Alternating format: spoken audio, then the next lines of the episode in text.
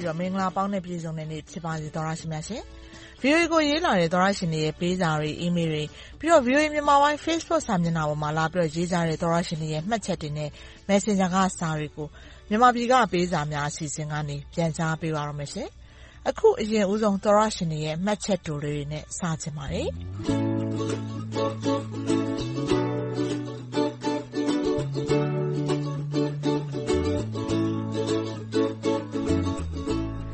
အချစ်ဆုံးလေးဆိုတဲ့သောရရှင်ကဒီလိုနားထောင်ရချိန်ဆိုကျမကနန်းဟွန်မှာသတင်းတွေကိုနိုင်ကိုရင်နဲ့အတူကြီးညာပါမယ်ဆိုပြီးတော့အရင်ကကြားနေကြကနေအခု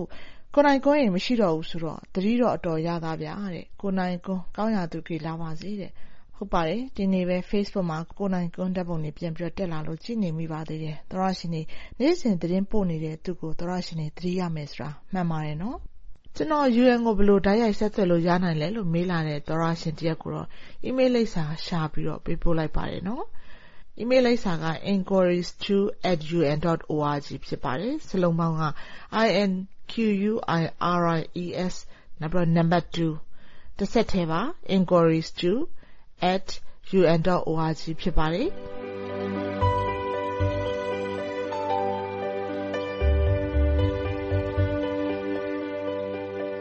VOA ကပေးစာများအစီအစဉ်ကိုရေးလာတဲ့စာတွေထဲမှာအများစုကတော့မြန်မာနိုင်ငံမှာနေ့စဉ်ကြုံတွေ့နေရတဲ့အခက်အခဲတွေနဲ့ပတ်သက်ပြီးတော့ရေးလာကြတာဖြစ်ပါတယ်။မောင်သန်းဆိုတဲ့သောရရှင်ကတော့ဒီလိုအခြေအနေတွေကိုကဘာကြီးကဘာကြောင့်ထိုင်ကြည့်နေတာလဲဆိုတော့မေးခွန်းထုတ်လာပါတယ်။ကြီးနိုင်ငံချင်းလောက်တာကိုကဘာကြီးကလက်ပိုက်ကြည့်နေကြတာအာဝမိပါတယ်။နျူကလ িয়ার လက်နက်ရှိတဲ့နိုင်ငံတွေကချင်းချောက်တာကိုကမ္ဘာနိုင်ငံတွေခံစားနေရပြီထင်ပါတယ်။ဝိုင်းဝန်းပြီးဖြေရှာကြဖို့လိုပါတယ်။ကဘာကြီးငြိမ်းချမ်းကြပါစေ။သ ဘာဝဘေးနဲ့ စစ်ဘေးတို့ရန်အပေါင်းမှ ကင်းဝေးကြပါစေ။ဒါကတော့ ကမ္ဘာမှာဖြစ်ပေါ်နေတဲ့ စစ်ရေးပဋိပက္ခနဲ့ ပတ်သက်ပြီးတော့ ဒီသောရရှင် ရေးလာတာ ဖြစ်ပါတယ်ရှင်။နောက်ထပ်သောရရှင်တယောက် သူကတော့ မကွေးတိုင်းဒေသကြီးကဒီလိပ်စာတီးချနဲ့ စာရေးလာပါတယ်။သူတို့ဒေသမှာ ကြုံနေရတဲ့ဒီဖမ်းဆီးမှုတွေ တိုက်ခိုက်မှုတွေနဲ့ ပတ်သက်ပြီးတော့ ဒီသောရရှင် ရေးလာပါတယ်။မကွေးတိုင်းဒေသကြီး နတ်မောက်မြို့နယ်ဒန်းလုံပင်ကြီးရွာမှာရကြေး NLD ပါတီဝင်တဦးရဲ့ နေအိမ်ရယ် PDF နဲ့ ဆက်စပ်တယ်ဆိုပြီး ရွာသားတဦးရဲ့နေအိမ်ရယ် စုစုပေါင်း နေအိမ် ၂ လုံးကို အာဏာသိမ်းစစ်တပ်က လာရောက်ချိတ်ပိတ်သွားပါတယ်။တခြားအဖမ်းခံထားရတဲ့ ရွာသားတွေကိုလည်း ထောင်ဒဏ် ၃ နှစ်ကနေ နှစ် ၂၀ အမျိုးမျိုး ချမှတ်ပါတယ်။ရွာကိုလည်း အငြေးကောက်ပြီး အာဏာသိမ်းစစ်တပ်နဲ့ ရဲတွေ ဝင်လေ့ရှိပါတယ်။သတင်းပို့တဲ့သူကိုလည်း ဖမ်းမှာကြောက်ရသေးတယ်။သတင်းမီဒီယာကနေ သတင်းဖော်ပြတာ မတွေ့ရလို့ ဗွီအိုအေရဲ့ မြန်မာပြည်ကပေးစာ အစီအစဉ်ကနေ ပေးပို့လိုက်ရပါတယ်ခင်ဗျာ။ဒီသောတရှင်ဒီမှာရွာကိုလည်းအငြေးကောက်ပြီးတော့အာဏာသိမ်းစစ်တပ်နဲ့ရဲတွေကဝင်လေ့ရှိတယ်ဆိုတာကျမတို့ဖတ်ပေးတဲ့ကိုရန်နိုင်ကလည်းအငြေးကောက်တယ်ဆိုတာဘာလဲလို့မေးလာသလိုကျမလည်းသိပ်ပြီးတော့ဒီစကားလုံးကိုမကြားဘူးလို့သဘောမပေါက်ပါဘူး။ဒါပေမဲ့လည်းဒီသောတရှင်ရေးလာလို့ကျမလည်းဒါဓလေ့စကားလားဆိုပြီးဖော်ပြပေးလိုက်ပါတယ်။အငြိုးထားတယ်လို့များဆိုသလားဆိုပြီးတော့လည်းတွေးနေမိပါတယ်ရှင်။ဒါမကွေးတိုင်းကန့်ဘလူမြို့ကအခြေအနေဖြစ်ပါတယ် နောက်ထပ်သောတရှင်တယောက်ကတော့ စစ်ကိုင်းတိုင်းက ရေးလာတဲ့ သောတရှင်မှာကန့်ဘလူမြို့မှာ ကြုံတွေ့နေရတဲ့ ကျန်းမာရေးအခက်အခဲကို ရေးလာပါတယ်။စစ်ကိုင်းတိုင်းဒေသကြီး ကန့်ဘလူမြို့မှာ အောင်သုခဆေးရုံဆိုတာ ရှိပါတယ်။တနယ်လုံးက အားကိုးအားထားပြုနေရပါတယ်။ဆက်စပ်မြို့နယ်များဖြစ်တဲ့ ကျွန်းလှ၊ကောလင်း၊ဝန်းသို၊ပင်လယ်ဘူး၊တန့်ဆည် အစရှိတဲ့ မြို့နယ်များက လာကုရတာပါ။ဒီကာလမှာ ကျန်းမာရေးဌာနက အလုပ်မဖြစ်ပါဘူး။ဘယ်သူကမှလည်း ဆေးရုံကို မသွားကြပါဘူး။ကန့်ဘလူဆေးရုံမှာ အရေးပေါ်ထိခိုက်လူနာ ကိုဗစ်လူနာသာရှိပြီး ပြုစုစောင့်ရှောက်မယ့် ဆရာဝန် သူနာပြု မရှိပါဘူး။ Non-CDM တချို့ ဆရာဝန်တွေ ပြန်လာပေမယ့် အကုန်မရှိလို့ လုပ်ငန်းမလည်ပတ်ပါဘူး။ဒေသခံတွေက ပုဂ္ဂလိကဆေးရုံကိုပဲ အားထားနေရတာပါ။ဆေးရုံကို လုပ်ငန်းလိုင်စင်စစ်တာ အကြောင်းပြပြီး ဝင်စစ်ပြီး ပိတ်ခိုင်းပါတယ်။အဓိက သူတို့ ရည်ရွယ်ချက်ကတော့ ဆေးရုံပိုင်ရှင်ရဲ့ အမျိုးသမီးက ဆရာဝန် CDM ဖြစ်ပြီး ရှောင်နေရတာရယ် သူ့ယောက္ခမက NLD ကိုယ်စားလှယ် ဖြစ်နေလို့လို့တော့ သုံးသပ်ရပါတယ် လွှတ်တော်ကိုယ်စားလှယ် ဆရာဝန်မတို့ ရှောင်နေပေမယ့် ဆေးရုံလည်ပတ်နေတာကို မကျေနပ်လို့လို့ ထင်ရပါတယ်။တခြား ပုဂ္ဂလိက ဆေးရုံရှိပေမယ့် မပိတ်ခိုင်းပါဘူး။သတင်းကို အသေးစိတ် ထပ်မံစုံစမ်းပြီးမှ တင်လို့ရပါတယ်။ဒါက စစ်ကိုင်းတိုင်းတို့ မကွေးတိုင်းတို့မှာ ကြုံတွေ့နေရတဲ့ဒီဒေသခံတွေ ကြုံတွေ့နေရတဲ့ အခြေအနေတွေကို သူတို့ရေးပြီးတော့ ပြောလာတာ ဖြစ်ပါတယ်ရှင်။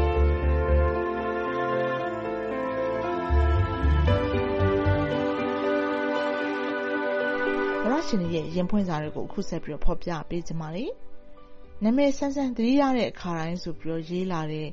သရရှင်တယောက်ကတော့သူကမေးလာတာပါ။သူကစာရေးရုံနဲ့ရေးတာမဟုတ်ပါဘူး။မေးလာတာပါ။အန်နီတို့ရေမြန်မာပြည်မှာကုန်ဈေးနှုန်းတွေဒီလောက်တက်နေတာကျမတို့ပြည်သူတွေဘာများလုပ်စားရမှာလဲရှင်။မကြားဘူးတာကြားနေရတယ်။ငရုတ်သီး၁၀သားကို၂,၀၀၀ကျပ်၊ဆီ၁၀သားကို၁,၀၀၀ကျပ်။ကုန်ဈေးနှုန်းတွေကတက်နေတာကျမတို့ပြည်သူတွေဘာတွေလုပ်စားရမှာလဲရှင်။” မြန်မာနိုင်ငံမှာ ကုန်ဈေးနှုန်းတွေ ဘာလို့ အဲလောက်တက်နေတာပါလဲတဲ့။ဟုတ်ကဲ့ ကုန်ဈေးနှုန်းတက်တာကတော့ တကမ္ဘာလုံး ဖြစ်ပါတယ်နော်။အမေရိကန်ပြည်ထောင်စုမှာလည်း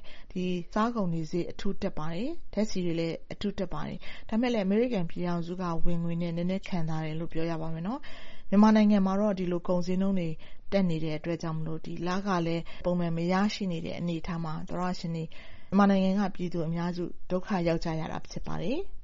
ဒီလိုမျိုးမြန်မာနိုင်ငံမှာနေ့စဉ်စားဝတ်နေရေးအထူးဒုက္ခရောက်ရတဲ့အတွက်ကြောင့်နယ်ကနေနိုင်ငံခြားထွက်ပြီးဝင်ငွေရတဲ့အလုပ်လုပ်ချင်ပါတယ်ဆိုတော့ကြံရာမရကျမတို့ဆီကိုစာရေးလာတဲ့သောတရှင်တယောက်ရဲ့စာကိုဆက်ပြီးဖော်ပြပေးချင်ပါတယ်။ဒီသောတရှင်ကဂျပန်သွားချင်ပါတယ်တဲ့။တခုလောက်ကူညီပေးနိုင်မလား။ဂျပန်စာသင်တန်းတက်ပြီးစိတ်ချရတဲ့အေးဂျင့်တွေနဲ့အလုပ်သွားလုပ်ချင်လို့ကူညီပါနော်။သတင်းမီဒီယာတွေသိပါတယ်။ယုံကြည်စိတ်ချရတဲ့အေးဂျင့်တွေနဲ့ဘယ်လိုဆက်သွယ်ရမှန်းမသိလို့ပါ အလိမ်အညာတွေနဲ့ တွေ့မှာစိုးလို့ တောင်သူလယ်သမား၊တောသားမို့လို့ပါဗျာ။ပြည်ပအလုပ်ထွက်လုပ်ချင်လို့ ကူညီပါနော်။မြန်မာပြည်တွင်းမှာ ဘယ်လိုမှ အဆင်မပြေလို့ပါဗျာ။ဟုတ်ကဲ့ပါ။ဒီလိုသောတရှင်တွေ မကြာခဏ နိုင်ငံခြားကို သွားချင်တဲ့အတွက်ကြောင့်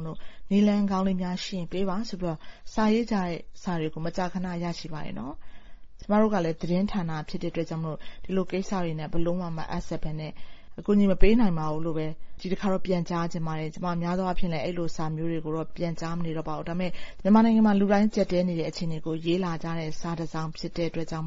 အခုလို ဖော်ပြပေးလိုက်တာ ဖြစ်ပါတယ်ရှင်။နောက်ထပ် သောတရှင်တယောက်ကတော့ အကောင့်ကို မဖော်ပြပါနဲ့လို့ ရေးလာသေးတာပါ။သူကတော့ ရန်ကုန်မှာ ကြုံတွေ့နေရတဲ့ နေ့စဉ်နေထိုင်မှု အခက်အခဲတခုနဲ့ ပတ်သက်ပြီး ရေးလာတာ ဖြစ်ပါတယ်။ VOA ခင်ဗျား၊အကောင့်မဖော်ပြပါနဲ့ ရန်ကုန်တိုင်း တောင်ဥက္ကလာပမှာ အခုတလော EPC နေ့စားဝန်ထမ်းတွေ ရပ်ကွက်ထဲဝင်ပြီး သောင်းကျန်းနေပါတယ်။ရပ်ကွက်ထဲက တချို့အိမ်တွေကို မီးလိုက်ဖြတ်နေတာပါ။အဲဒီလို သူတို့ မီးဖြတ်မယ်လို့လုပ်တဲ့ အိမ်ကလည်း မီတာခဆောင်ထားတဲ့အိမ် ဖြစ်နေပြန်ပါတယ်။လာတဲ့ဝန်ထမ်းကလည်း စာရွက်စာတမ်း အပြည့်အစုံနဲ့ပါပဲ။ဒါပေမဲ့ သူတို့စာရွက်ထဲမှာ မီတာခဆောင်ပြီးကြောင်း ဘာလို့ ပြမထားသလဲ ဆိုတာပါပဲ။ EPC ရေ သေချာစိစစ်ကြပါဦးလို့ ပြောချင်ပါတယ်ခင်ဗျာ။ EPC ကိုသေချာစိစစ်ပါဦးလို့ပြောပေးပါတဲ့။ဒီသောတရှင်သေချာမှားလာပါတယ်။နောက်ထပ်သောတရှင်တယောက်ကတော့ EPC နဲ့ပတ်သက်ပြီးတော့သူတို့မီတာခတွေအများကြီးဆောင်ရတဲ့အကြောင်းကိုရေးလာတာပါ။အတိအကျကိုတော့ကျမမှတ်ချက်တွေအများကြီးလိုက်ဖတ်ပြီးတော့သေချာစကားလုံးတွေမမှတ်မိတော့လို့သေချာမပြောပြနိုင်တာဖြစ်ပါတယ်ရှင်။သောတရှင်တွေရဲ့ပေးစာတွေကိုဒီတပတ်ဒီမှာတင်ရပ်ချင်ပါတယ်ရှင်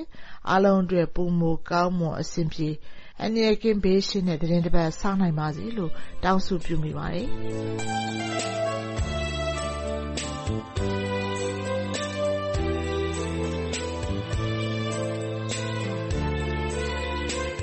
ကျမတို့ VOA မြန်မာပိုင်းရဲ့ရုပ်မြင်သံကြားနယ်ရေဒီယိုအစီအစဉ်တင်ဆက်မှုတွေနဲ့ပတ်သက်ပြီးအကြံပေးဝေဖန်ချင်တယ်။ပြီးတော့ကိုယ်တိုင်အတွေ့အကြုံနေရတဲ့အဖြစ်အပျက်တွေ၊နိုင်ငံရေးအခြေအနေတွေနဲ့ပတ်သက်ပြီး ကိုယ်ပိုင်ထင်မြင်ယူဆချက်တွေရင်ဖွင့်စာတွေရေးချင်ကြတယ်ဆိုရင်တော့ကျမတို့ VOA ကိုစာရေးသားဖို့ဖိတ်ခေါ်ပါတယ်နော်။ Email ကနေစာရေးမယ်ဆိုရင် burmese@voanews.com ကိုမြန်မာပြည်မှပေးစာများအစီအစဉ်ဆိုပြီးရေးသားပေးပို့နိုင်ပါတယ်။ Facebook အသုံးပြုတဲ့သူတွေအနေနဲ့လည်း VOA Burmese News ဆိုတဲ့ VOA မြန်မာပိုင်းရဲ့ Facebook စာမျက်နှာကိုသွားပြီးတော့မှတ်ချက်တွေလာပြီးတော့ရေးနိုင်တယ်လို့ VOA မြန်မာပိုင်း Facebook Messenger ကနေပြောလဲစာရေးပို့လို့ရပါတယ်။ သောတရှင်တွေဆီကတုံ့ပြန်အကြံပြုလာမှာတွေကိုစောင့်မျှော်ကြိုဆိုနေပါတယ်ရှင်။